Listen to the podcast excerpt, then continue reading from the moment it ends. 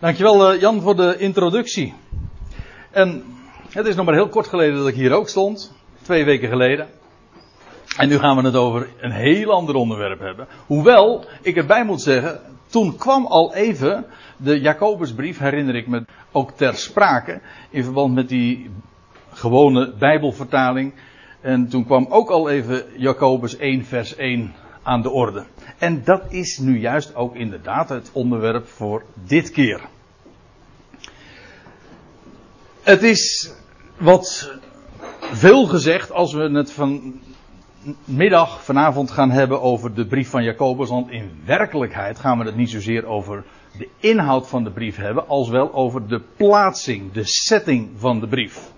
En daardoor zal ook vooral de, de envelop en dat wat daarop staat, om het zo te zeggen, aan de orde komen. Wie is de schrijver? Wat heeft hij te melden? Waartoe is hij geroepen? En aan wie richt hij zijn brief? En daar willen we eens de loep op leggen. U weet, of u weet het niet, maar het is een vrij bekend gegeven dat ooit de reformator Maarten Luther, en zijn naam is de afgelopen week natuurlijk weer veel gevallen in verband met de hervormingsdag. Maar deze man had uh, grote moeite met de brief waar we het dus vanmiddag over hebben. Hij noemde de brief van Jacobus, ik heb het zelf niet in zijn boeken uh, of geschriften gelezen, maar dit is bekend dat hij dat inderdaad, dat hij zich op die wijze daarover uitliet. Hij noemde de brief van Jacobus een strooie brief. En ik heb even gedacht dat hij daarmee bedoelde dat het gericht is aan de verstrooide stammen, of de, stammen in de verstrooiing, maar dat blijkt dus niet het geval te zijn. Hij bedoelde daarmee een strooienbrief, een brief van stro. En ik heb gehoord, maar dat zou kunnen dat dat zomaar, dat dat slechts een, uh, een populaire versie daarvan is, dat hij gezegd zou hebben, maak met Japi maar de kachel aan. Met Japi bedoelde hij dus Jacobus. Dus of dat inderdaad het geval is, weet ik niet. Maar in elk geval, hij had de grote moeite. En de reden daarvoor is heel simpel. Maarten Luther die had de ontdekking van zijn leven gedaan en had gelezen in de Romeinenbrief dat een mens gered wordt. Niet door werken, maar door geloof alleen. En toen kwam die de passages tegen in de Jacobusbrief, met name het tweede hoofdstuk. En daar ziet u onder andere, en hij zag dat daar zo staan, ik pak er maar één vers uit, maar in werkelijkheid gaat het over een passage waarin uh, meer van zulke uitspraken staan. Gij ziet, zegt Jacobus dan, dat een mens gerechtvaardigd wordt uit werken. En niet slechts uit geloof. Ja, wat krijgen we nou?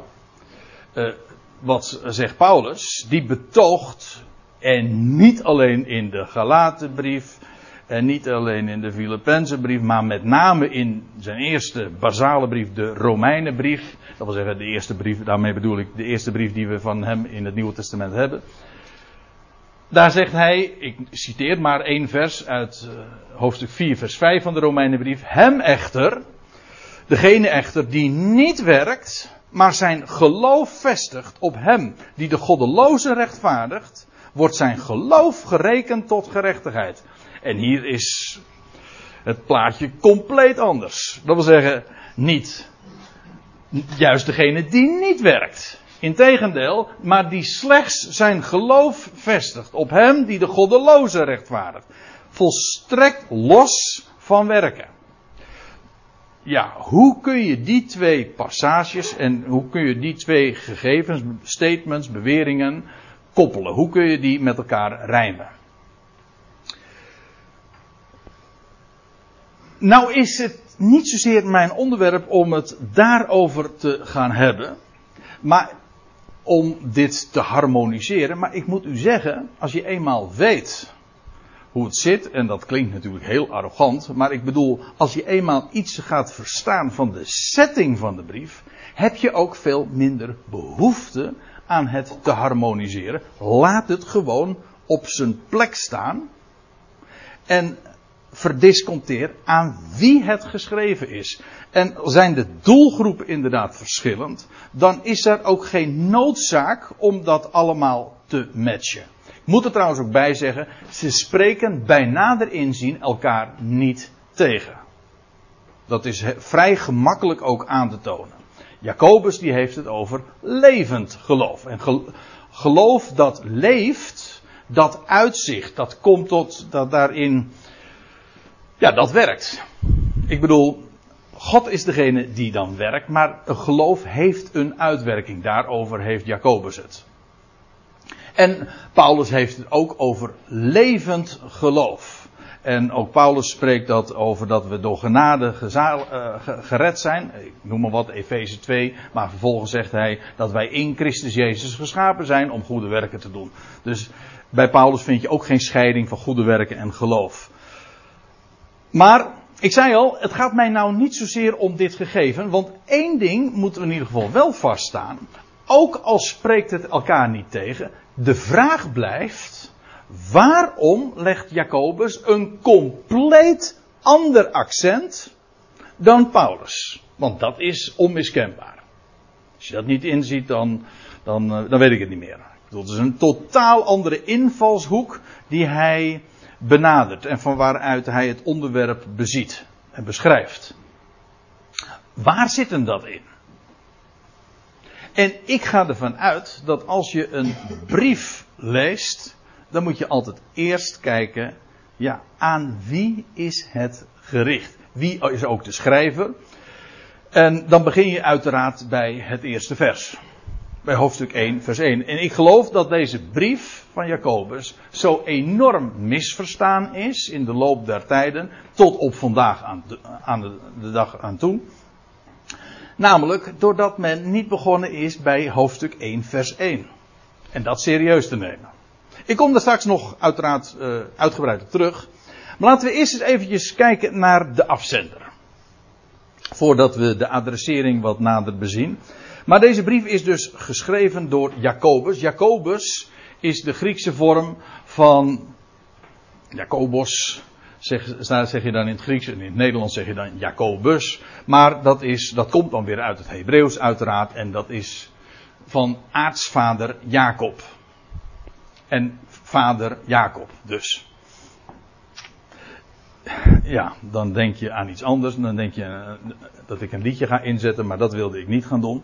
Maar het is trouwens wel zo, als ik nog eventjes daarop mag voortborduren. Vader Jacob, slaapt gij nog? Hè? Het is inderdaad zo dat dit, deze Jacobus gaat over een volk dat nog steeds slaapt. Eh, ik moet er trouwens ook nog bij zeggen dat eh, Jacob was de vader van twaalf zonen. En dat blijkt een grote rol te spelen in de adressering. Dus dat lijkt mij ook niet voor niks. Nou moet ik er ook nog bij zeggen dat die Jacob, en dat lijkt me ook een, een veelzeggend gegeven in dit verband. Jacob was zijn aanvankelijke naam, want hij kreeg later bij zijn bekering een andere naam. En dat is de naam Israël. Jacob werd Israël. Het is heel frappant hoe die twee uh, soms in één adem ook genoemd worden. Ik denk aan het, boek, uh, aan het. Daar staat een keer van God heeft een woord gezonden aan Jacob. En het is gevallen in Israël. Hij zond een woord aan Jacob, de ongelovige.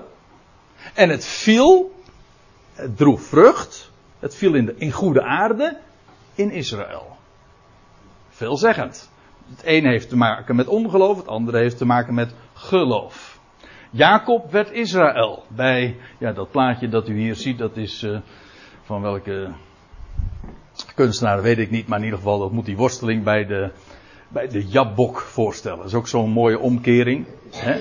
Jacob bij de Jabok. En daar vond een omkering plaats. Jacob werd Israël. Die, over die Jacob hebben we het dus.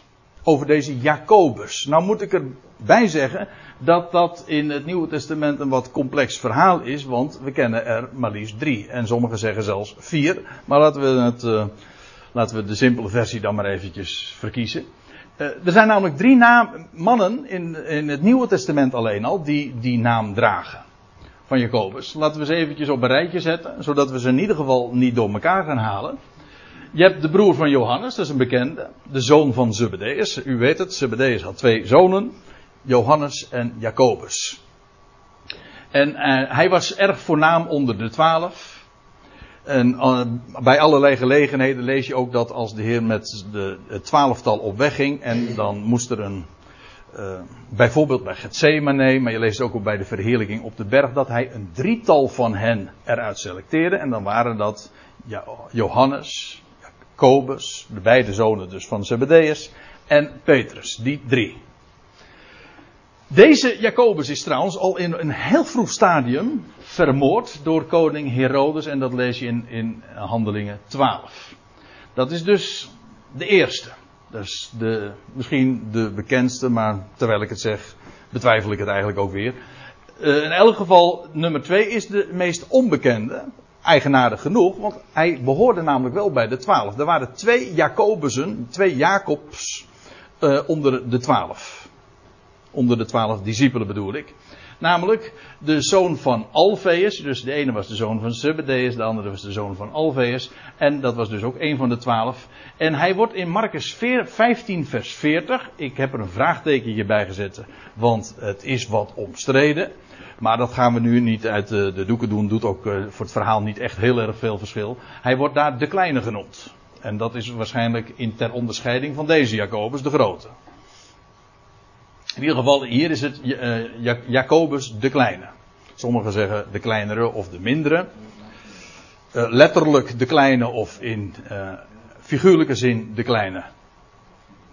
Nou, en dan komen we bij de derde, en dat is in dit verband voor deze middag de meest interessante, omdat we het over hem hebben. Als we het hebben over de brief van Jacobus, dan gaat het over deze Jacobus. Ik zeg dat uh, vrij, met vrij grote zekerheid, omdat ik zelf eerlijk gezegd daar helemaal niet aan twijfel. Maar uh, als je zo de boeken erop naast laat, dan wordt dat wel eens een keer, uh, wordt dat wel eens betwijfeld. Er zijn er ook die opteren voor de, nummer 2 en zelfs voor nummer 1. Maar deze laatste Jacobus is algemeen toch wel eh, men is het er wel over eens dat die het best en het meest daarvoor uh, in aanmerking komt als schrijver van de brief waar we het vanmiddag over hebben. Deze Jacobus, dat is uh, een broer, de broer, de, broeder des Heren, zo lezen we in de MBG-vertaling. In Jacobus, oh, dit is een fout die ik hier gemaakt heb. Dat moet ik nog even corrigeren voordat ik hem op internet zet. Dit moet zijn Galaten 1, vers 19 daar noemt Paulus hem de broeder des Heren. En we weten ook uit onder andere Matthäus 13, maar er zijn meerdere lijstjes, dat hij ook iedere keer als eerste genoemd wordt in het, uh, van het gezin van Maria en Jozef. Dus hij was uh, de, de oudste broer ook van Jezus. Eigenlijk een halfbroer dus. Want ze deelden wel een gemeenschappelijke moeder, maar geen, ze hadden natuurlijk niet dezelfde vader. Dat is trouwens ook wel een boeiend gegeven. Hij was de oudste broer, dus bij afwezigheid van zijn, oudst, zijn oudste broer, eh, want nou eh, zeg ik het een beetje ingewikkeld, want uiteraard was de Heer Jezus in het gezin de eerstgeborene en daarna kwam Jacobus. Dus bij afwezigheid van Jezus, de eerstgeborene, zou volgens natuurlijk erfrecht, ook bijbels erfrecht, Jacobus dan zijn zaakwaarnemer worden. En feitelijk is dat ook het geval. Hij werd de leider later in Jeruzalem. Heel, heel boeiend gegeven. In elk geval, uh, samen met Petrus en Johannes uh, wordt hij een steunpilaar genoemd. Ik, ik verwijs hier naar Galaten 2 vers 9 en op dat vers komen we later vanmiddag nog terug. En het is heel eigenaardig, want als deze Jacobus nummer 1 van toneel verdwijnt door moord. Hij wordt terechtgesteld door koning Herodes. Dan komt deze Jacobus naar voren. En die neemt als het ware de rol van deze Jacobus over. Vandaar dus dat dat soms ook heel gemakkelijk verwisseld wordt. En worden de personages door elkaar gehaald. In elk geval, deze broeder des Heren, hij wordt ook een steunpilaar daar in Jeruzalem genoemd. Een leider in Jeruzalem, dat blijkt uit allerlei gegevens. Ik geef, geef hier de, de, teksten er maar even bij. Dat als u dat wil uh, teruglezen en wat nader wil onderzoeken, dan, dan weet u waar u wezen moet. En wat trouwens ook erg boeiend is, maar dit is een buitenbijbels gegeven. Hij wordt ook genoemd, ook als broer van Jezus, door geschiedschrijver Flavius Josephus in zijn, uh, in zijn werken. Dat is een, een, een Joodse historicus, een hele bekende natuurlijk. Flavius Josephus die vermeldt van hem dat hij noemt hem uh, Jacobus de rechtvaardige. En hij moet ergens in de jaren 60 van, van de eerste eeuw uh, zijn omgebracht, gestenigd, onder leiding notabene van het Sanhedrin, meer speciaal van de hoge priester Ananias. Zodat aan deze Jacobus, een leider daar in Jeruzalem, op die manier een, een einde kwam. Ook geëxecuteerd, allemaal op instigatie van het Sanhedrin. Net als zijn oudste broer. Ja, heel merkwaardig. Over deze Jacobus hebben we het dus. Als, we, als, Jacob, als de Jacobusbrief aanvangt met de naam van de schrijver, namelijk Jacobus, dan moet u denken aan deze Jacobus. De broeder des Heren. De oudste broer. Die een grote rol speelt. En we komen dus hem later nog tegen als we gelaten 2 nog zullen opslaan. Dat, maar dat is helemaal aan het einde van deze studie. Laten we nog eventjes verder gaan. Er staat in Jacobus 1, vers 1. En verder zullen we nauwelijks komen in deze, in deze brief. Verbaast ons niks. Sorry? Verbaast ons niks. Nee, toch niet? Nee. Nee, maar ja, ik denk, als het maar zo een goed begin is het halve werk. En als je, als je natuurlijk meteen al in vers 1 de draad kwijtraakt. En bijvoorbeeld dan hier weergeeft aan het volk van God of aan de christelijke kerk dan weer gaat geven. Maar daar hadden we het de vorige keer dus over. Ja, dan raak je de, ben je dus meteen op voorhand al helemaal het spoor bijster. Dan maak je dus een valse start. Daarom is het ontzettend belangrijk om goed te beginnen. Over wie hebben we het? Wie is de schrijver? En dat is al heel veelzeggend. Het loutere feit dat Jacobus, Jacob, alleen zijn naam is al zo veelzeggend. Dat hij hier aan het woord is en zijn hele rol die we vanuit andere brieven in het Nieuwe Testament en vanuit de geschiedschrijving in het boek Handelingen kennen. Wel, dat is heel veel zeggen dat juist hij deze brief schrijft. En hij is een dienstknecht. Als je, als je het in het Engels zou zeggen, dan verbaast dat je natuurlijk ook wel niet. Hè, want dan is het James. En James is natuurlijk uh, per definitie een. Uh, ja. De butler, ja. James, kom eens hier. De dienstknecht is trouwens een hele aardige formulering. In werkelijkheid is het nog wat. Uh, wat sterker, want er staat eigenlijk gewoon een slaaf. Een lijfeigene dus. Is maar geen werknemer, nee. Een slaaf van God en staat erbij en van de Heer, de Heer, Jezus Christus. Van hem is hij een slaaf. Dat is toch wel heel opmerkelijk. De broeder des Heren. Hij noemt zijn oudste broer de Heer Jezus Christus. In zijn volle glorie uh, beschrijft hij hem meteen. Wie is Jezus? Wel, die naam is ook al veel zeggen, namelijk Yahweh Red. Wel, hij is Heer, Curios en hij is Christus. En daarmee geeft hij ook aan, hij is door God uit de doden opgewekt en gemaakt tot Heer en tot Christus, tot, of meer op zijn Joods gezegd, we hebben het over Jacob, per slotverrekening. Dan zeg je, hij is de Messias, de Mashiach.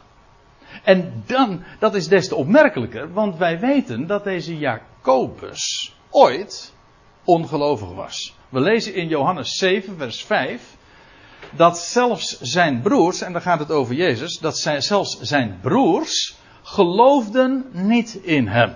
Dus tijdens de omwandeling van Jezus hier op aarde, geloofden zijn broeders, gewoon in het algemeen, inclusief dus Jacobus, ze geloofden niet in hem. Daar is dus een omkeer in zijn leven, heeft er plaatsgevonden. En die is ook aan te wijzen. Tenminste, als je je puur afgaat op de Bijbelse gegevens, dan is dat moment aan te wijzen. En ik zal, laat ik hem meteen maar noemen. En dat is in het verslag dat we lezen in 1 Korinthe 15. waar Paulus uitgebreid ingaat op de, het feit van de opstanding en vooral de consequenties en de betekenis daarvan. Maar hij beschrijft dan in eerste instantie ook dat Jezus Christus gestorven is, begraven en opgewekt ten derde dagen naar de schriften en vervolgens ook verschenen is. Hij, wat hij naar voren brengt, het is een volstrekt historisch geschiedkundig feit, gedocumenteerd en wel. Wel, en dan en in, in dat verslag zegt Paulus dan, vervolgens is hij, Christus, die opgestaan is, verschenen aan meer dan 500 broeders tegelijk, van wie het merendeel thans nog in leven is, met andere woorden. Vraag het ze maar na, als je wil. Uh, maar sommigen zijn inmiddels dan ontslapen. Maar goed, er zijn er nog honderden wellicht over. Toen de tijd, toen Paulus dus dit noteerde. En dan zegt hij dit, en daar gaat het me nu dus uiteraard even om. Vervolgens is hij verschenen aan Jacobus. Daarna aan al de apostelen. Kennelijk gaat het hier over een Jacobus die niet tot de apostelen gerekend wordt. En dat klopt ook, want hij is een broeder des Heer. Maar hij wordt hier genoemd. En als u mij vraagt, het is het enige bijbelse gegeven dat, eh, dat je kunt aanwijzen wat er gebeurd is met de broeder des Heren. Hij geloofde ooit niet tijdens de rondwandeling van Jezus hier op aarde, gedurende de drie jaren dat hij hier uh, gewerkt heeft, gepredikt heeft, zijn broers wezen hem af. Zoals dat trouwens ook met in zijn hele vaderstad het geval was. In Nazareth was hij niet gezien en werd hij niet geaccepteerd. Maar zelfs in zijn eigen huis dus niet. Dat wil zeggen in zijn eigen huisgezin, in zijn eigen familie. Zijn broers geloofden niet in hem. Maar daar is verandering in gekomen. Wat is er gebeurd? De Heer, de levende Christus, hoor wat ik zeg. De levende Messias, de opgestane Messias, is aan Jacob verschenen. En dat was de omkeer in zijn leven. En daardoor is Jacob ook een slaaf geworden en iemand die Jezus erkent als Heer en als Christus. Daardoor. De levende Christus is aan hem verschenen. Vandaar. Vandaar dat ook Jacob compleet veranderd en omgekeerd is.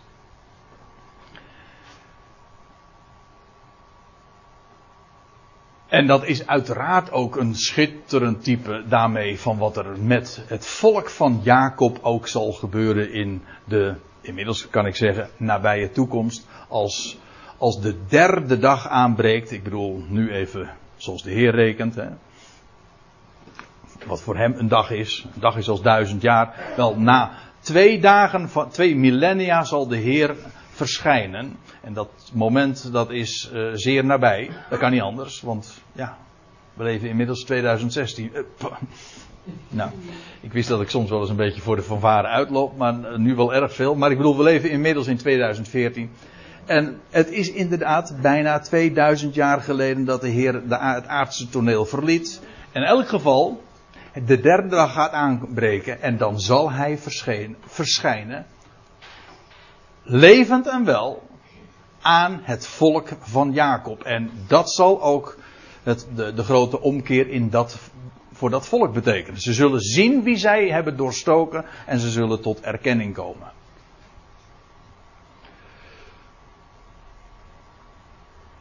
Dat wat betreft de, de figuur van, van Jacob, Jacobus, die een slaaf is van de Heer Jezus Christus. En nu komt het. Ja, of nu komt het. Nu komt er nog een heel belangrijk punt. En daar moeten we het nog maar eens een keertje heel goed over hebben. Hij zegt, hij, hij groet, of eigenlijk, ja, in het Grieks is dat, uh, heeft dat de gedachte van verheug je. Daar zit nog een, woord in, wat uh, ook weer verwant is aan uh, het woordje charis, genade. Het Griekse woord voor genade. En dat is wat zoals de Grieken elkaar begroeten. De Joden die zeggen shalom tot op de dag van vandaag vrede. Maar de, maar de Grieken die zeggen genade tegen elkaar. En de, hoe vangen de brieven in het Nieuwe Testament aan? Met genade en vrede. Genade en shalom. Ik vind de volgorde trouwens ook wel veelzeggend, want vrede, de echte vrede, is gebaseerd op genade. Eerst genade, daarna vrede. Maar goed, dan, dat zegt hij zo. En dan richt hij zich aan, tot de twaalf stammen in de verstrooiing. En op al die termen moeten we het, of beide termen, de twaalf stammen en de verstrooiing, moeten we het nog maar eens even goed hebben. De twaalf stammen. Ik had het al even over. Dat is uiteraard, verwijst dat naar de twaalf zonen van Jacob. Die uiteindelijk stamvaders werden van eh, volkeren. De, de, stammen van Israël. Wel, die stammen bevonden zich niet in het land, althans slechts een heel klein gedeelte op dat moment dat Jacob, Jacobus deze brief schreef. Het merendeel bevond zich in het buitenland. De twaalf stammen. Die uitdrukking komen we een paar keer tegen in het uh, Nieuwe Testament. En ik wil u even wijzen en meenemen naar Handelingen 26. En daar staat Paulus voor koning Agrippa. En hij moet en hij mag zich verantwoorden. En dan zegt hij in vers 6 dit. En nu sta ik, Paulus is hier aan het woord, voor het gerecht om mijn hoop, mijn verwachting op de belofte die door God aan onze vaderen gedaan is. Hij spreekt ook Agrippa aan als iemand die daarvan op de hoogte is. Hij, ja, Agrippa kende de, profeten. En ja, en, en, en Paulus verwijst daarnaar de belofte die aan onze vaderen gedaan is. En nou komt het. In, in verband met uh, ons uh, onderwerp van vanmiddag is dat heel boeiend.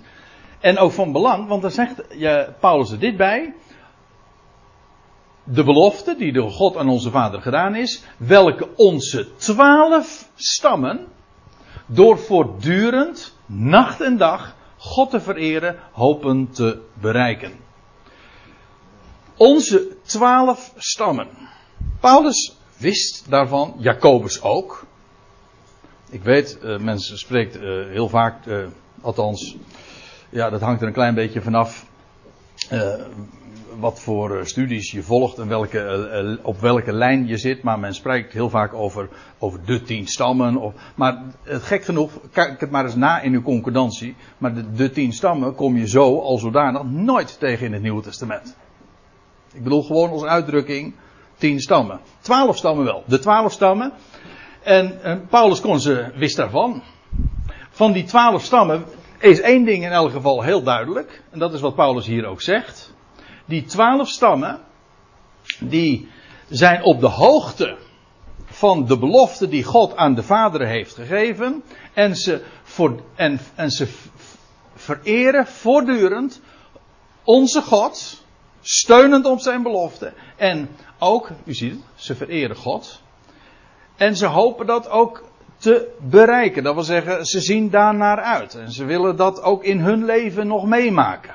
Die belofte de, de belofte van de Messias en de tijd die met die Messias gaat aanbreken.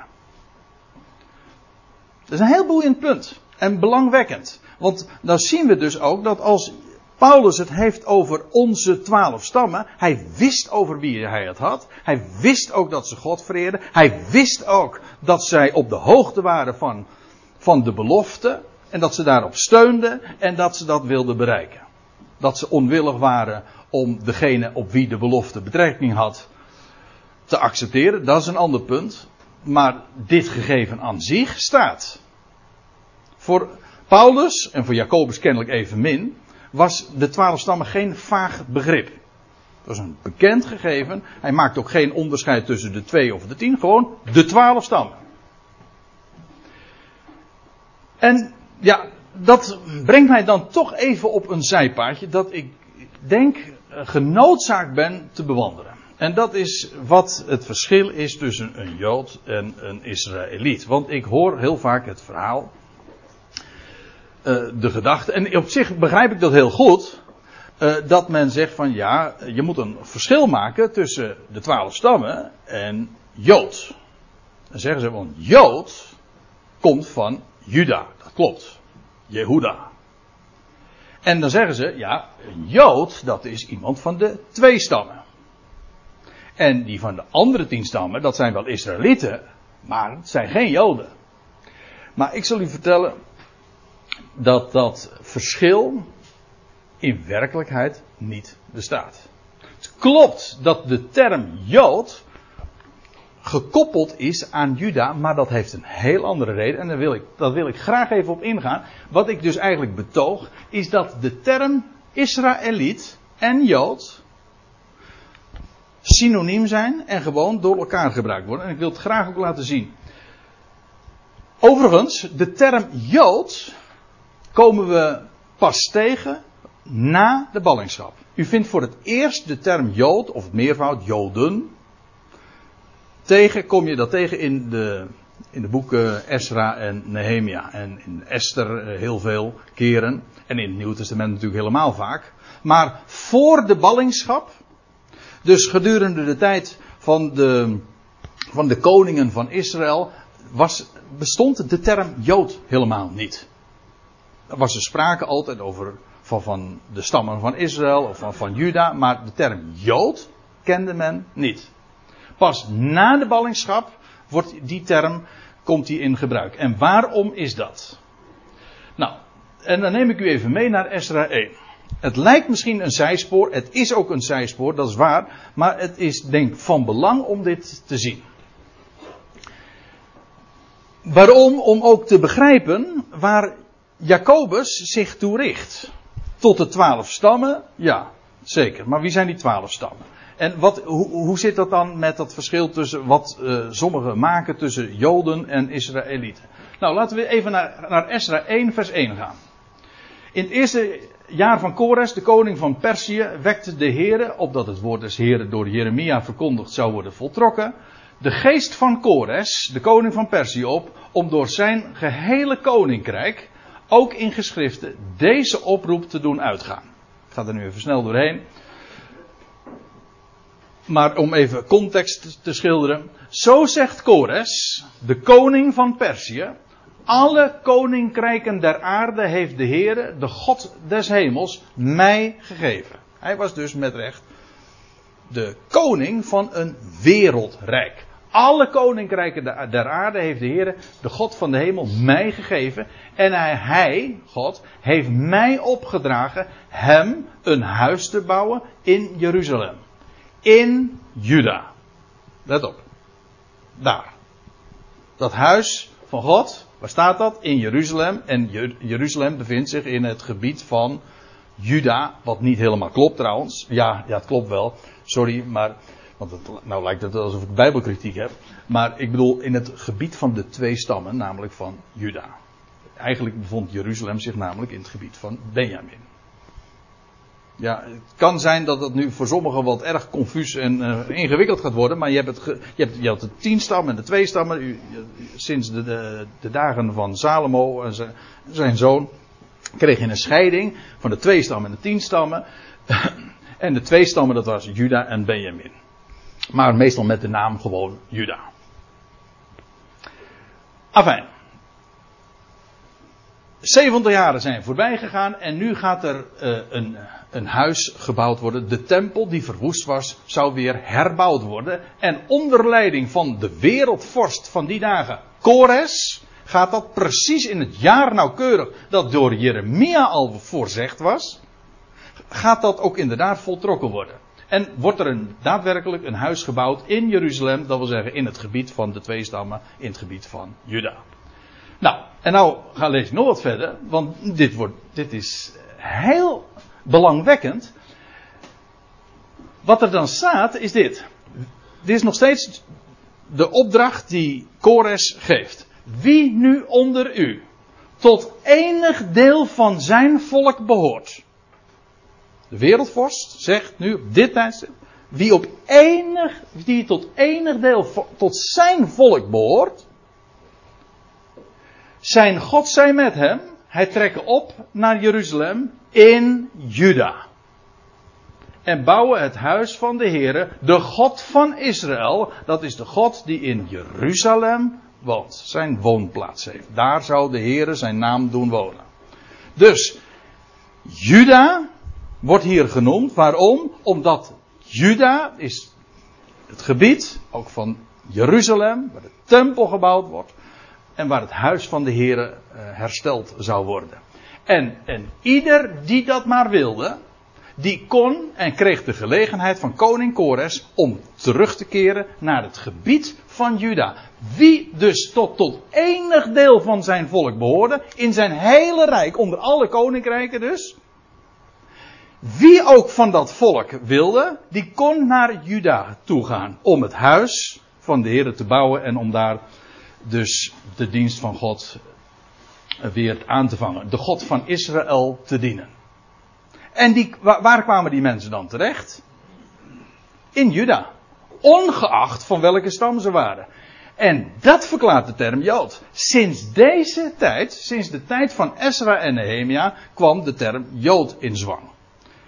Dat duidt niet op het feit.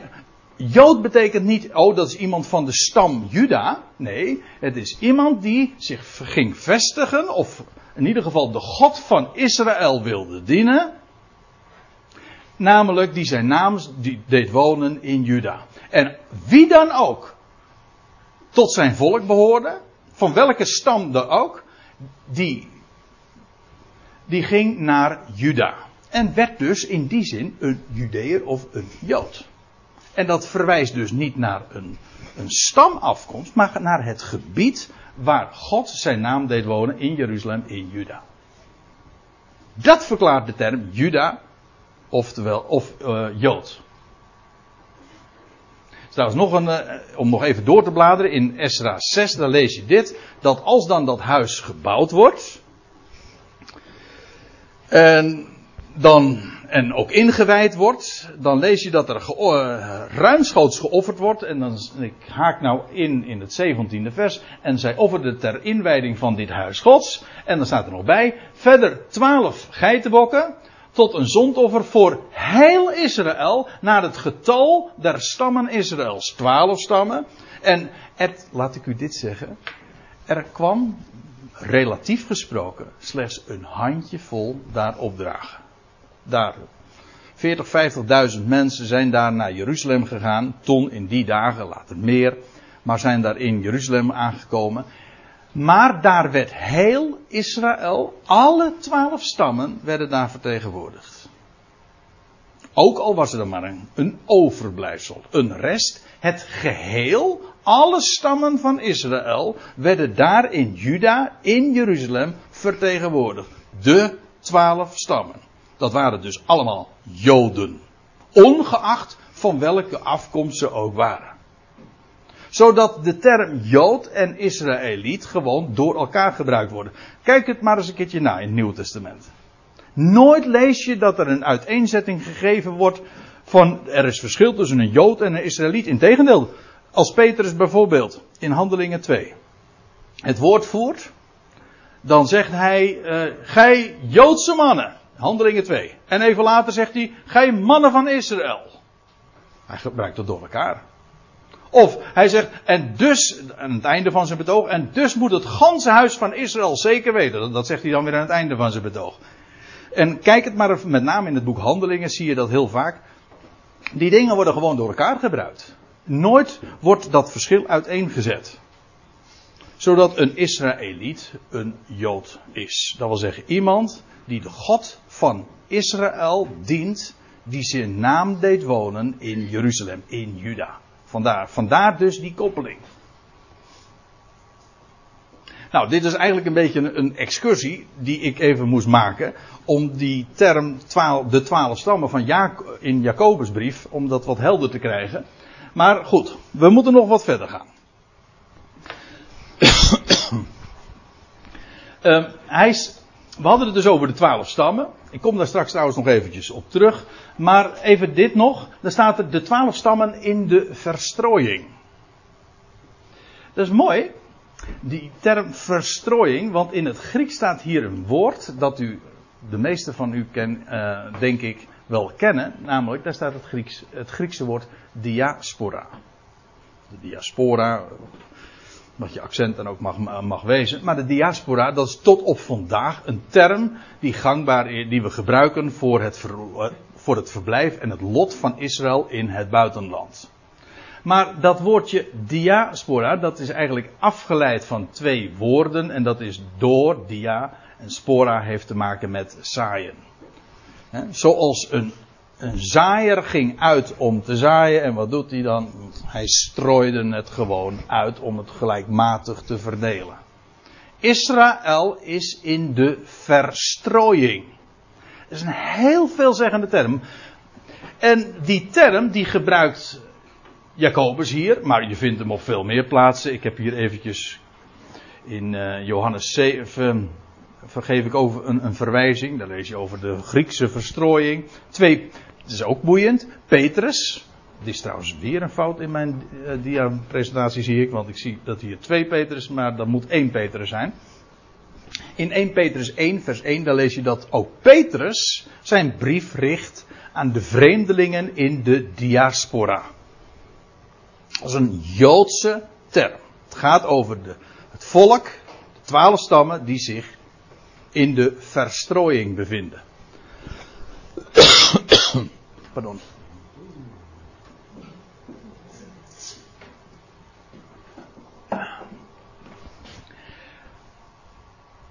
Die term heeft uh, hele oude wortels, mag ik wel zeggen. Want die vind je al in de boeken van Mozes. En, en ik geef u maar een paar voorbeelden. Want in werkelijkheid zou ik het uh, aantal voorbeelden enorm kunnen uitbreiden, want we vinden het dikwijls. Ook al trouwens veel eerder dan in Deuteronomium 30. Ik noem dit vers omdat het een heel markant gegeven is. En nog veel meer licht op de hele kwestie werpt. Uh, nadeel is van dit citaat is dat ik midden in de zin begin. Want dan staat er dan zal de Heere uw God, en dan moet ik u even bijvertellen waar dit dan op slaat. Nou ja, het is heel simpel, dan moet je eventjes de eerste twee versen ook lezen. Nou, kortweg, het gaat er gewoon over wanneer gij u bekeert. Wanneer gij u bekeert, onder de volkeren. Israël is verstrooid onder de volkeren. En wanneer gij u bekeert, dan zal de Heere, Yahweh, uw God, in uw lot een keer brengen. Een bekering dus. Is een mooi woord. Het woordje bekering heeft in verband met Israël zulke veelzijdige betekenissen. Want bekering betekent eigenlijk een omkeer, maar ook een terugkeer. Israël keert weer terug naar de God die ze ooit kenden. Maar het is niet alleen maar een bekering, een terugkeer naar God, maar het is ook een terugkeer naar het land waar ze ooit verbleven. Dat blijkt hier ook wel, want dan staat er, hij zal zich over u erbarmen. En hier staat een Hebreeuws woord waar Rugama, of in ieder geval waar Rugama ook van afgeleid is. En degene die uh, een beetje op de hoogte zijn van de profeten, met name van uh, de profeet Hosea, die weten, ah, dat is die dame. Een van die namen. Ja, Rugama en Lo uh, Ami en Lo Ami. Dat, zijn allemaal, dat wordt in Hosea 1 en 2 allemaal uitgebreid besproken. Een geweldige typologie ook. Maar Rugama betekent ontfermen of erbarmen. De Heer zal zich over u erbarmen. In dit vers, Hosea 2, vers 23, daar wordt er eh, gezegd dat God zich over het volk zal erbarmen in het land. En hij hen ook als bruid zal werven. Dat is het verband. Afijn, hij zal zich over u erbarmen. Dat is een profetisch gebeuren dus. Als Israël zich onder de volkeren zal bevinden, uh, zal bevinden, dan zal er een keer, een omkeer plaatsvinden. De Heer zal zich over hen erbarmen en hij zal u weer bijeenbrengen. Ja, maar nou ga ik u nog eens wat vertellen. Het staat er nog veel mooier. Weet je wat er echt staat? U ziet het hier. U moet even vooral letten op die, die groene letters. Dat is de, in dit geval nog de Engelse woord voor woord weergave. Letterlijk staat er dit. Ik zal het even in het Nederlands zeggen. Hij zal terugkeren en u bijeenbrengen. Niet, hij zal u weer bijeenbrengen. Als u trouwens, ik, dat vond ik, werd uh, aangenaam verrast door de, de kanttekeningen van de Statenvertaling.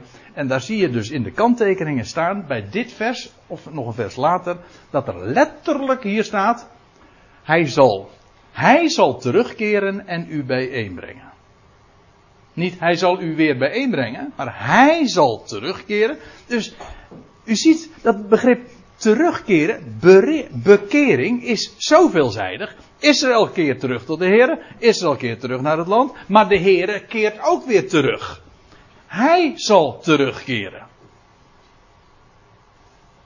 De terugkeer van de Heer. Wij zeggen dan de wederkomst van de Heer. Maar dat is echt exact hetzelfde. Want dit gaat namelijk plaatsvinden bij de, als de Heere weder zal keren.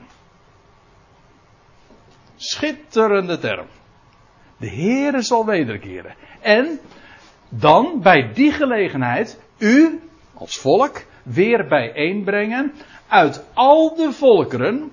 En nou komt het, de echte aanleiding waarom ik verwijs naar Deuteronomium 30.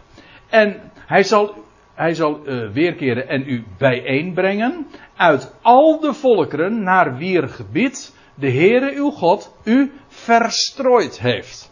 Hé, hey, hier hebben we hier weer de verstrooiing. God heeft zijn volk verstrooid. En nog officieel is die termijn nog steeds niet ter einde. Weliswaar is er nu weer sprake van een Joodse staat onder de naam Israël. Maar dat is allemaal nog prematuur. Het is ook voortijdig. En wat dat hele, de hele constructies in overeenstemming met wat de profeten gezegd hebben. Maar er blijft niks van over. Wat er zal gebeuren. Is. Er zal een omkering plaatsvinden. En de Heere zal uit al de volkeren waar, waar zij verstrooid zijn.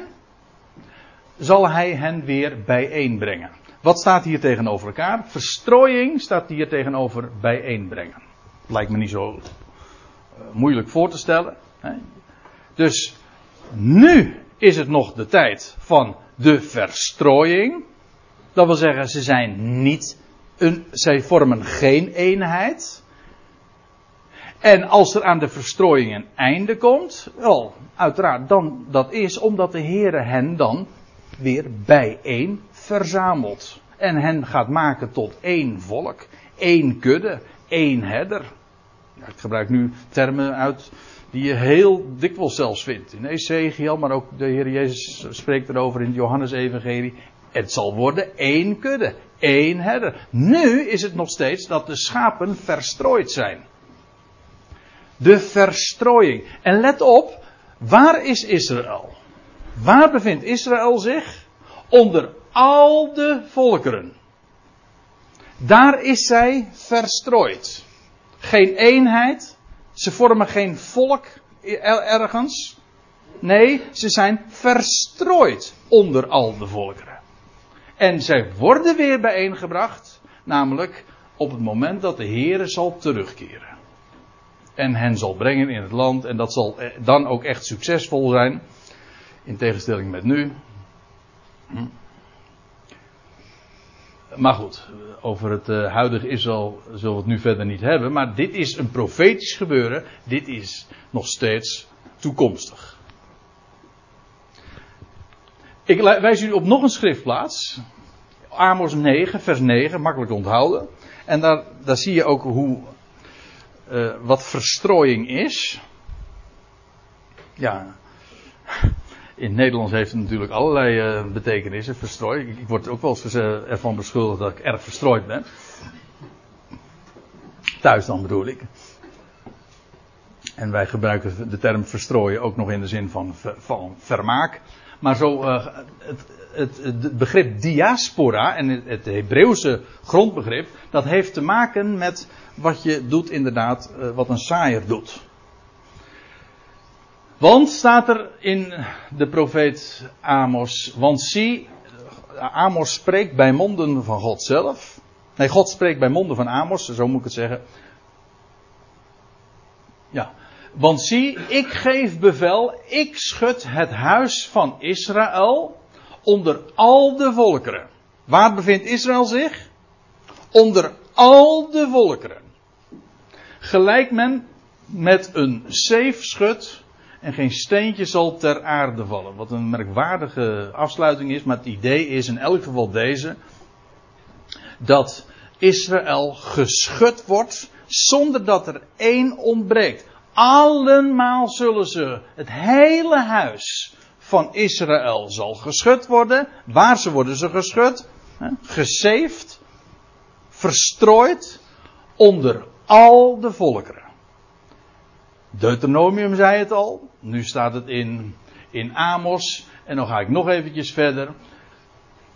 in Jeremia 31, vers 10, daar lees je: Hoort het woord van Yahweh, o volkeren, verkondigt het in verre kustlanden en zegt, want het, al waren uw verstrooide aan het uiterste der aarde, ik zal ze bijeenbrengen. Dat is dan weer een woord uit Jezaja trouwens.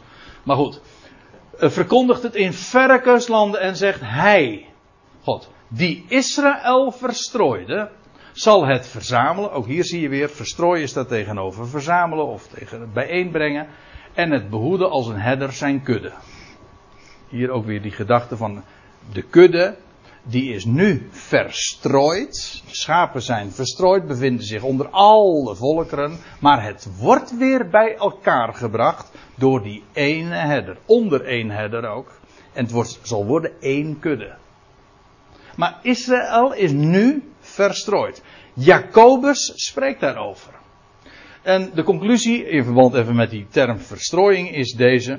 De twaalf stammen zijn dus verstrooid. Waar? Onder alle volkeren. Het is dus niet zo dat, is, dat, dat een deel van die, van die twaalf stammen niet verstrooid zijn, maar als volkeren er ergens in Noordwest-Europa of voor mijn part in Amerika ver, vertoeven als, als machtige natie. Nee, het volk is verstrooid onder alle volkeren. En zij worden hersteld als natie. Maar dat is toekomstig. Ze worden bij hun bekering, hun omkeer, hun terugkeer. Letterlijk, ik bedoel fysiek, maar uiteraard eerst ook geestelijk. Ze worden bijeengebracht naar het land. En hier weer dat plaatje van die omkeer van Jacob. Bij de Jabok.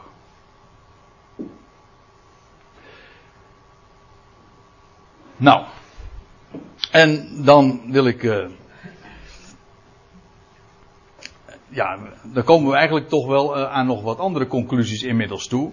Want wij hebben nu gezien dat Jacobus dus zijn brief richt aan de twaalf stammen. In de verstrooiing.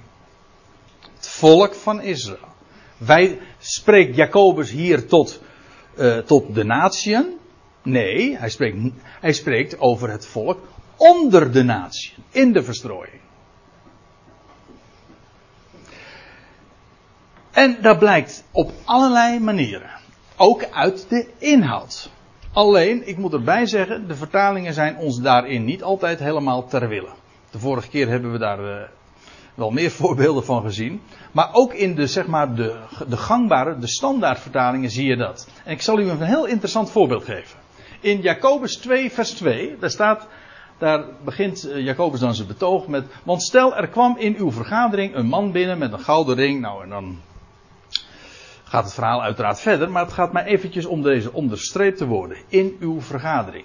Weet u wat daar staat? Er staat letterlijk, in uw synagoge. In uw synagoge. Dat is het woord wat er staat. Dat is een vergadering. Maar ik zal u vertellen, dit woord, synagoge, dat komt heel veel keer voor in het Nieuwe Testament. En ik zal u, ik zal u eens even een, een, blik geven in de concordantie. Ik heb een Bijbelprogramma, ISA Bijbelprogramma, en dan kun je dat heel mooi zien. Want dan klik je op zo'n strongwoord. Ik weet niet in hoeverre u een beetje vertrouwd bent met, met Bijbelstudieprogramma's, maar in elk geval, elk woord, elk specifiek woord is ge, gecodeerd. Dat noemen ze een strongcode. Nou, dan wat blijkt, dit woord, dit specifieke woord, dat komt 56 keer voor. En uh, in, in negen verschillende vormen, dat wil zeggen met naamvallen, et cetera. Nou, daar gaat het even niet om. Maar in ieder geval, dit woord komt 56 keer voor. En ik heb hier dan de wijze waarop de NBG, en ik, ik heb het niet nagekeken, maar ik denk dat de Statenvertaling hier niet van zal afwijken. De, staat, de NBG-vertaling geeft dit woord, synagoge, 55 keer. Dus op alle gevallen na, met één uitzondering, altijd geeft ze het weer met synagoge. Kijk maar na. 15 keer hier synagoge, synagoge, synagoge, synagoge, synagoge, synagoge. Allemaal synagogen. Eén keer vergeven ze het weer met vergadering. Eén keer. En dat is dus hier. Jacobus 2.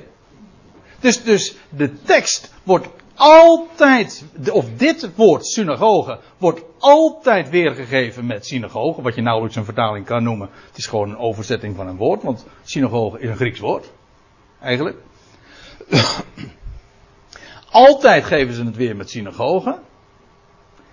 Behalve in Jacobus 2, vers 2. En als u mij vraagt, maar dat lijkt me dan toch niet te veel geconcludeerd.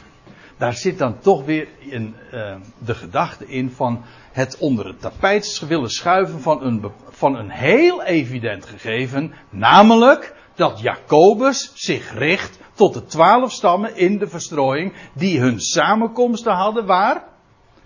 Ja, zeggen ze in de vergadering. Nou, alle andere keren, alle andere 55 keren dat het woord voorkomt in de, in de Bijbel, geven ze het keurig weer met synagogen. Behalve deze ene keer. Maar hoeveel zeggend zou het juist zijn als ze het hier net zo goed, gewoon consequent hadden gedaan. Ook hier. Stel, er kwam in uw synagoge een man binnen. Met, nou ja, et cetera. Dan weten we meteen, waar kwamen die mensen, die, die twaalf stammen in de verstrooiing bij elkaar? In de synagoge. En dat bevestigt dus inderdaad de Joodse achtergrond van deze brief. Gericht aan de twaalf stammen. Gericht aan mensen, aan een volk. In de verstrooiing, maar die hun bijeenkomsten hadden in de synagoge. Dat is consequent. Dat is één op één. Niet inconsequent, laten we het hier maar weergeven met vergadering. Want ja, mensen zouden toch maar eens een keertje concluderen dat de Jacobusbrief eh, alleen maar gericht is aan de besnijdenis, hè? aan het volk van Israël. Dat moeten we ook niet hebben. Tenminste, dat is een beetje dan de indruk die ik hier uh, uit zo'n uh, uit zo'n lijstje opmaak. Toch eigenaardig, vindt u niet? Het is toch veelzeggend dat men dat op deze manier gedaan heeft. Maar, nou, ik vind vooral veelzeggend dat, ook, dat, hier dat hier datzelfde woord staat. Het is maar dat we het weten. En daar wilde ik u heel graag even op attenderen. En tenslotte wil ik u nog meenemen nog naar Jacobus 2.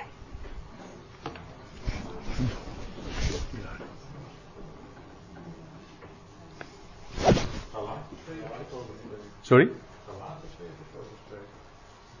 Nee, Galaten 2. Zei ik Jacobus 2? Oh nee, ik bedoel, neem me niet kwalijk. Uh, ik uh, ben wat in de, in de verstrooiing, ja. Dus niet alleen de twaalf stammen in de verstrooiing, maar André Piet ook nog eens. Hè? Is mooi bij thema. Ja, precies.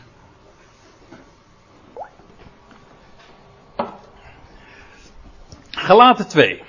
En het versnummer, dat moet zijn vers 7. Ik heb thuis nog wat te doen. Is, dat is mooi. Want daar vind je Paulus in Jeruzalem, waar hij liever niet kwam, want dat gaf heel veel tumult. Uiteindelijk is hij ook gewoon gevangen genomen en dat leidde tot zijn definitieve gevangenschap naar, uh, en zijn transport naar Rome. Hier ontmoet hij in Jeruzalem een drietal mensen. En dan zegt hij in vers 9 dit. En als Jacobus, die hij al eerder in hoofdstuk 1, vers 19 had genoemd, de broeder des Heren. Hij had hem al een keer eerder ontmoet. Bij een eerder, bij een eerder verblijf in Jeruzalem. En maar goed, hier 14 jaar later weer. En dan zegt hij, en als Jacobus. En Kefas. Dat is, dat is dezelfde dus als Petrus. Petrus is alleen Grieks en het andere is Aramees. Met dezelfde naam, rots. En Johannes. Maar dat is opmerkelijk. Want als je deze volgorde leest, waar moet je dan aan denken? Gewoon deze volgorde. Dan vind je gewoon de brieven van het Nieuwe Testament keurig op een rijtje. Zoals we ze in de, onze Bijbel ook aantreffen. Je hebt de brieven van Paulus. En dan vervolgens krijg je Jacobus. Petrus. En de brieven van Johannes. En Judas staat er nog tussen, maar dat was ook een broeder van de Heer trouwens. Nou, Jacobus, Kefas en Johannes. De brieven en dan tenslotte ook het boek De Openbaring, maar is ook van Johannes. Ik zeg er trouwens nog iets bij, want uh, dat is de indeling die wij in ons Nieuwe Testament gewoon hebben. de indeling van het Nieuwe Testament is gebaseerd op wat we hier in Galaten 2, vers 9 aantreffen. Die volgorde. Jacobus, Kefas, Johannes. Maar in werkelijkheid is het nog mooier, want in de oorspronkelijke manuscripten, ik bedoel, je hebt de grote manuscripten, de Sinaiticus, de Vaticanus, de Alexandrinus en de grote Griekse manuscripten. Daar is deze indeling ook zo, alleen dan niet met de brieven van Jacobus, Kevers en Johannes aan het eind, maar juist voor de brieven van Paulus. Zeg je het goed? Ja. Behalve met uh, het boek Openbaring. Maar in elk geval, die, deze personen vind je voor de brieven van, Johannes, van Paulus. Eerste Jood, ook de Griek. Uh, nou ja. Hoe dan ook. Uh, laat ik eventjes dit gewoon gezegd hebben. Jacobus, Kefas en Johannes.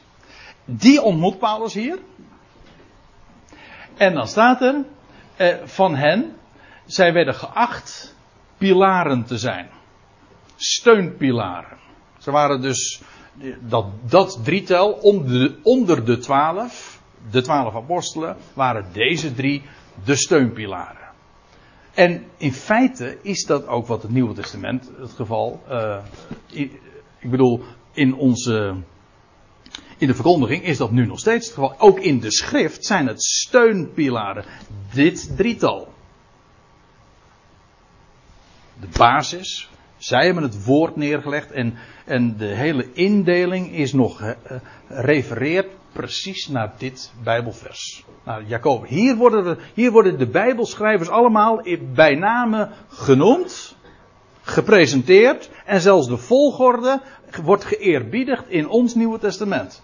Volkomen juist en ook volkomen logisch. Maar dat betekent ook dat Gelaten 2 dus heel erg belangrijk is voor het verstaan van het Nieuwe Testament en voor het, voor het verstaan van het geheel. We lezen nog even verder. Als Jacobus, Kevers en Johannes, die geacht werden steunpilaren te zijn, de genade die mij gegeven was, bekende, dat wil zeggen erkende of kennende, opmerkten, zegt de NBG-vertaling. De genade die mij, dat is Paulus dus, gegeven was.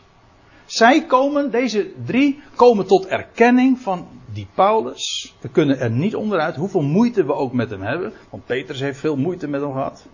Trouwens, lees even verder in Galaten 2 en dan zul je het zien. Jacobus ook. Ja, Paulus was, waren hele nieuwe dingen geopenbaard. Waar, waar dit drietal geen weet van had.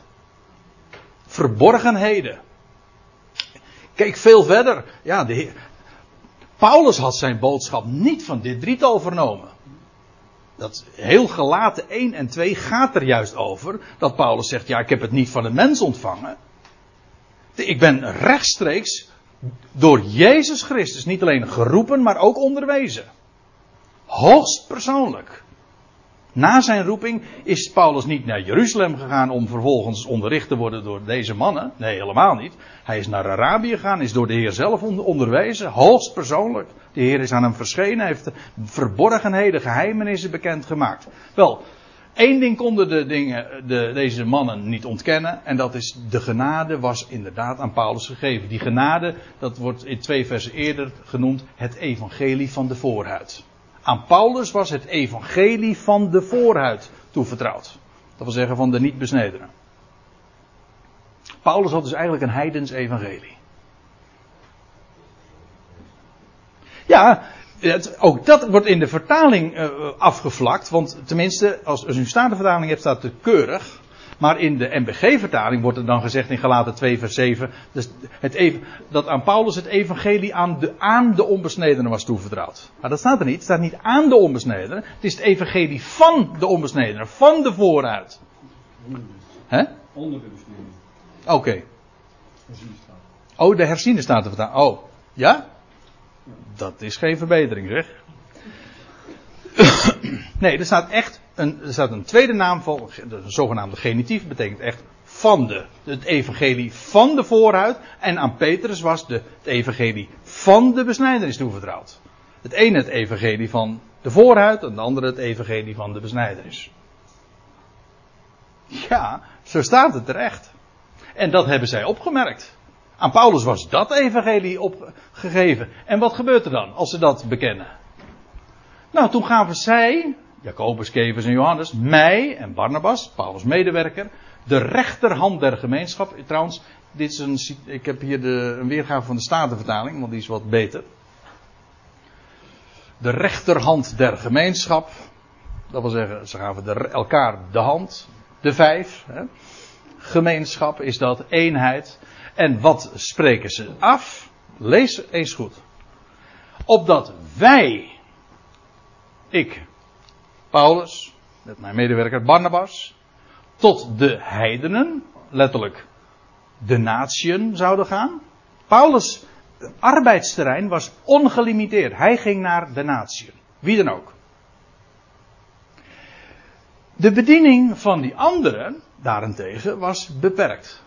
Want dan staat er, en zij, ik zeg het maar weer, Jacobus, Kevers en Johannes, zij zouden zich richten tot de besnijdenis. Is dit moeilijk? Dit is zo simpel als wat. Helder als glas. Jacobus, Kevas, Johannes, zij richten zich tot de besnijdenis. Zoals Paulus zich richt tot de natieën, zonder onderscheid. Later hebben ze ook geleerd dat, dat het onderscheid nu in, de, in het lichaam van Christus geen enkele rol meer speelt. En de verdeling die er was tussen, tussen de, de besnijdenis en de voorhuid is de, de middenmuur die van afscheiding is weggebroken. Bestaat in, in het lichaam van Christus. Doet het totaal geen, niet ter zake.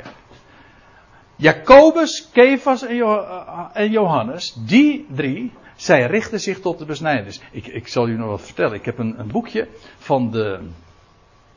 Uh, het is een uitgave van de Evangelische Omroep. Dat is alweer jaren geleden uitgegeven. En dat heet. Dat is een boekje over de katholieke brieven. Kent u die uitdrukking? De katholieke brieven. Nou, dat zijn dus de brieven van Jacobus, Kevers en Johannes. De zeven brieven. En dat noem, die worden genoemd de katholieke brieven. En daarmee bedoelen ze de algemene brieven. En in uh, het eerste hoofdstukje van dat boekje, dat gaat erover, zijn de katholieke brieven misschien geen geschriften aan de besnijdenis. En uiteraard, Galaten 2 komt daarbij aan de orde. Een heel verhaal en uiteindelijk komt er een conclusie en zegt, zijn, dan wordt de vraag nog een keer herhaald waar het boekje, waar het boekje en het hoofdstuk mee begon. Zijn deze geschriften van Jacobus, Kevers en Johannes uh, geschriften aan de besnijdenis? En dan zegt de auteur, ik zou het niet zo durven zeggen. Het is notabene met de rechterhand der gemeenschap officieel bezegeld, afgesproken. De indeling van het Nieuwe Testament is hier ook mee beklonken. Dit is niet alleen maar een afspraak voor ton. Dit is iets wat we gewoon in ons Bijbeltje vinden. Als je gewoon de schrift met onderscheid wil lezen, dan weet je, we hebben de brieven van Paulus, gericht aan de natie. We hebben de geschriften van Jacobus, Kevers en Johannes, keurig in die volgorde. Waarom? Om ons te herinneren aan de afspraak van Galaten 2 vers 9. En aan wie zijn die geschriften gericht? Aan de besnijdenis. En als je het dan nog niet geloven wilt, dan ga je naar de brieven zelf. En dan kijk je Jacobus 1 vers 1, want dan staat er, Jacobus, slaaf van Jezus Christus, aan de twaalf stammen in de verstrooiing. Hoe duidelijk wil je het hebben? Gericht aan de besnijdenis. Aan een volk dat samenkwam in de synagoge. En eh, nu noem ik zomaar een paar van die dingen die echt van groot belang zijn voor het verstaan van de hele setting. Maar kijk de brief maar eens door. Schitterende brieven, we kunnen er enorm veel van leren. Want ik beweer nu vanmiddag niet dat, dat wij dus helemaal geen boodschap hebben aan deze brief van Jacobus. Totaal niet. Maar realiseer je wel aan wie het gericht is. Anders ga je dus echt mee op je plaats, zoals je dat in Rijnsburg zeggen. Dan snap je het niet. En dan krijg je discussies. En dan krijg je het misverstand, zoals, zoals ooit Maarten Luther dat had. Of dan krijg je vragen van, ja, Jacobus 5. Weet je wel, u kent dat vraagstuk wel. Over die ziekenzalving. Waarom werkt dat vandaag eigenlijk niet? We hebben dat in onze kerk ook gepraktiseerd, maar ja, dat, uh, daar staat de, de, de, de zieke zal gezond worden en wij hebben het gepraktiseerd en, en het werd niet gezond. Hoe zit dat? Heb je er ooit wel eens aan gedacht, voordat je Jacobus 5 las, eerst eens hoofdstuk 1 vers 1 te lezen? En goed naar de envelop te kijken en de adressering? En wees dan niet zo brutaal om dat zomaar lukraak één op één op jezelf toe te passen. Dat gaat fout. We zouden dit eerbiedigen. Paulus, Jacobus, Kevers en Johannes zijn hier ook volstrekt helder in geweest. En dit, dit is geïnspireerd woord, zodat we inderdaad zouden verstaan hoe God die brieven heeft gegeven aan ons. Zodat we ook werkelijk ze kunnen plaatsen. Letterlijk. En bij een andere gelegenheid moeten we het nog maar eens een keertje wat uitgebreider over de inhoud zelf hebben. Maar dit wilde ik graag toch eens gezegd hebben over deze brief en over de adressering en over de hele setting. Zijn er misschien nog dringende vragen?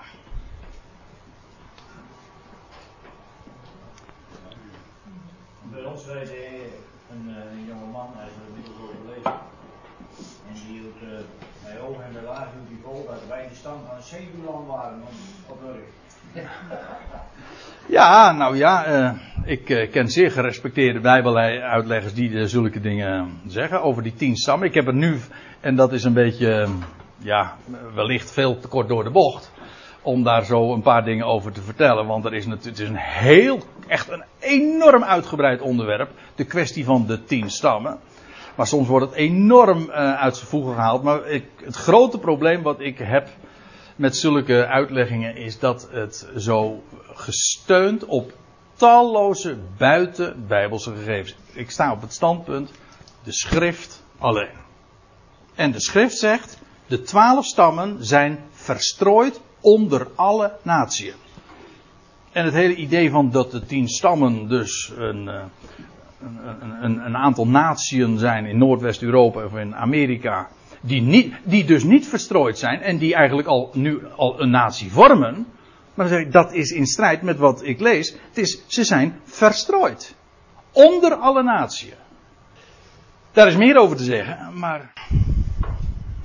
Ik denk dat we toch verstandiger aan doen gewoon te lezen wat er staat. En niet op hol te slaan met allemaal fantasieën en buitenbijbelse gegevens. Eerst de schrift en die is volgens mij daarin duidelijk genoeg. André, hij zit uh, voor de Joden. En het wordt toch tegen de Joden gezegd dat zij gerechtvaardigd worden uit het werken. Ja. Nou kom je toch alsnog op het, uh, op het onderwerp van die rechtvaardiging. Waarom, waarom zegt Jacobus, legt een heel ander accent. Het is ook opmerkelijk als je, misschien mag ik er in ieder geval dit even over zeggen. Als Paulus het over uh, rechtvaardiging heeft, dan verwijst hij naar die gebeurtenis dat hij, dat lees je in Genesis 15, dat hij naar buiten geroepen wordt op een nacht. Toen heette hij nog Abram. En dat hij naar buiten geroepen wordt en dat hij omhoog mag kijken en dat, hij, dat tegen hem gezegd wordt, zo zal jouw nageslacht zijn. En dan staat er, let op, het was een belofte die God gaf zonder enige voorwaarden. God zei niet van als je zus of zo, dan, nee, zo zal jouw nageslacht zijn. En dan staat er, en Abraham geloofde God. En God rekende het hem toe tot gerechtigheid. Dat wil zeggen, Abraham was een rechtvaardige. Waarom? Hij zei amen op een onvoorwaardelijke belofte van God. Jacobus heeft het over iets anders. Die heeft het over dat, Jacob, dat Abraham zijn geloof bleek uit zijn werken, namelijk toen hij Isaac ging offeren. En doelt op een heel ander tijdstip. Want op het moment dat, dat waar ik het zojuist over had, dat, toen was Abraham zelf nog kinderloos. Impotent. Impotent zelfs, ja. En zijn vrouw uh, Sarah was onvruchtbaar. Dus toen was er nog helemaal geen sprake van een kind. Uh, maar Jacobus heeft het over een veel latere gebeurtenis. En toen bleek, toen zou Jacob, of Abraham ook zijn geloof bewezen worden. Niet alleen naar God toe, maar ook uh, het zou, zijn geloof zou ook blijken uit dat wat hij deed. Straks zal dat trouwens voor Israël ook weer het geval zijn. Want ik heb er nu vooral op gewezen dat deze Jacobusbrief gericht is aan de twaalf stammen in de verstrooiing, in ongeloof. Let maar eens op, de, de stammen hier zijn nog ongelovig. Ik zou, ja, dat is een beetje. Uh, maar kijk het maar eens na in hoofdstuk 4. Ik zal even een paar voorbeelden geven. Jacobus 4.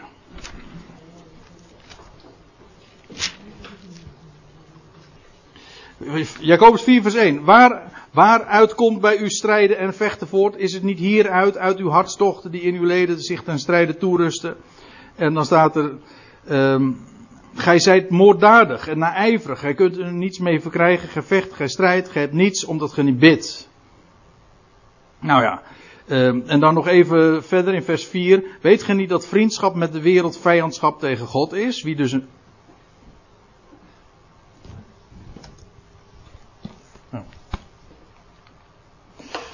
Ah, maar ik was toch uh, klaar met mijn verhaal. uh, over die vijandschap met. Uh, vijandschap tegen God. Ik, ik, ik, wilde maar mee zeggen. Wat gebeurt hier nou? Oh, ja. In elk geval. En als je dan trouwens nog eventjes doorleest in hoofdstuk 5. Dan staat er in vers 2: Uw rijkdom is verrot, uw klederen zijn door de mot aangevreten, uw goud en zilver is verroest en en het, zal er tegen, tegen u getuigen en uw vlees verteren als vuur. Gij zijt schatten gaan opleggen. Dit gaat over een ongelovig volk in de verstrooiing. Jacobus richt zich en wijst op Gods belofte. Ik weet, Jacobus 1 vers 18 wordt er altijd tegen ingebracht. En zegt van ja, zie je wel dat het toch een uh, gelovig volk gaat. Maar ik zal hem meteen even meenemen voordat ik uh, naderhand weer dat bezwaar krijg. Daar staat naar zijn, in Jacobus 1 vers 18, naar zijn raadsbesluit heeft hij ons voortgebracht door het woord der waarheid, om in zekere zin eerstelingen te zijn onder zijn schepselen. En dan zeggen ze, zie je wel, dit gaat over, over een, een volk dat wedergeboren is, maar er wordt hier niet over wedergeboorte gesproken. Zij zijn in zekere zin, of als, staat er in de Statenvertaling, eerstelingen. Het volk Israël, de twaalf stammen, zijn te midden van alle volkeren eerstelingen. Zij hebben gewoon op basis zelfs van geboorte. Hun, zij zijn de twaalf stammen. God heeft aan hen de, de belofte gegeven. Zij zullen worden een koninkrijk van koningen en priesters. Zij zijn dus in zekere zin eerstelingen van onder de schepselen door het woord der waarheid zo voortgebracht. Dat heeft niks met wedergeboorte te maken. Ik zie in de Jacobusbrief ook niets daarvan. Als, zij, als het werkelijk een gelovig volk zou zijn, wel in zijn totaliteit, dan zouden ze niet meer in de verstrooiing zijn, maar dan zouden ze teruggebracht worden naar het land. Zo was het toch? Als, ze tot, als, als volk tot geloof zouden komen, dan zou de Heer hen bijeenbrengen. Dus ja, daar zitten toch denk ik nog wat haken en ogen aan. En voor Israël zal straks trouwens ook gelden dat als het een gelovig volk wordt, dan zal het ook gaan blijken, dan zullen ze de boodschap, de grote opdracht die ooit gegeven is, om alle volkeren te maken tot zijn discipelen, zullen ze gaan vervullen. Ik bedoel, ik weet het, de, dat zal dan ook gebeuren inderdaad door de twaalf stammen. Uit elke stam 12.000. 144.000 in totaal. En die zullen inderdaad de wereld in één generatie evangeliseren. En dan, zal, dan zullen de volkeren gemaakt zijn tot koninkrijk. Eh, pardon, dan zullen de volkeren gemaakt worden tot zijn discipelen. Ik bedoel, waar de kerk nu al 2000 jaar mee topt en tot dusver is nog in één volk zijn discipel, zal straks gebeuren in één generatie, maar dan ook daadwerkelijk door het volk wat daartoe bestemd is. En dan zal hun geloof ook werken en blijken. Sorry. En dan zal die ziekengenezing ook geen probleem meer zijn, want dat zal dan orde van de dag zijn. Al die tekenen zullen dan ook volgen. En, zulke, en dat vind ik het mooie. Al dat soort vragen over zo'n brief, die verdwijnen als sneeuw voor de zon als je gewoon de setting recht doet. Daarom denk ik dat het bespreken van hoofdstuk 1 vers 1 het allerbelangrijkste is voor ons. Alvorens we aan het vervolg ook toekomen. En dat is wat ik vanmiddag graag uh, ook wilde doen. Zullen we daar maar eens bij laten? Ja, tenzij er nog meer vragen zijn. Maar ik geloof dat ik een beetje een schorre keel begin te krijgen.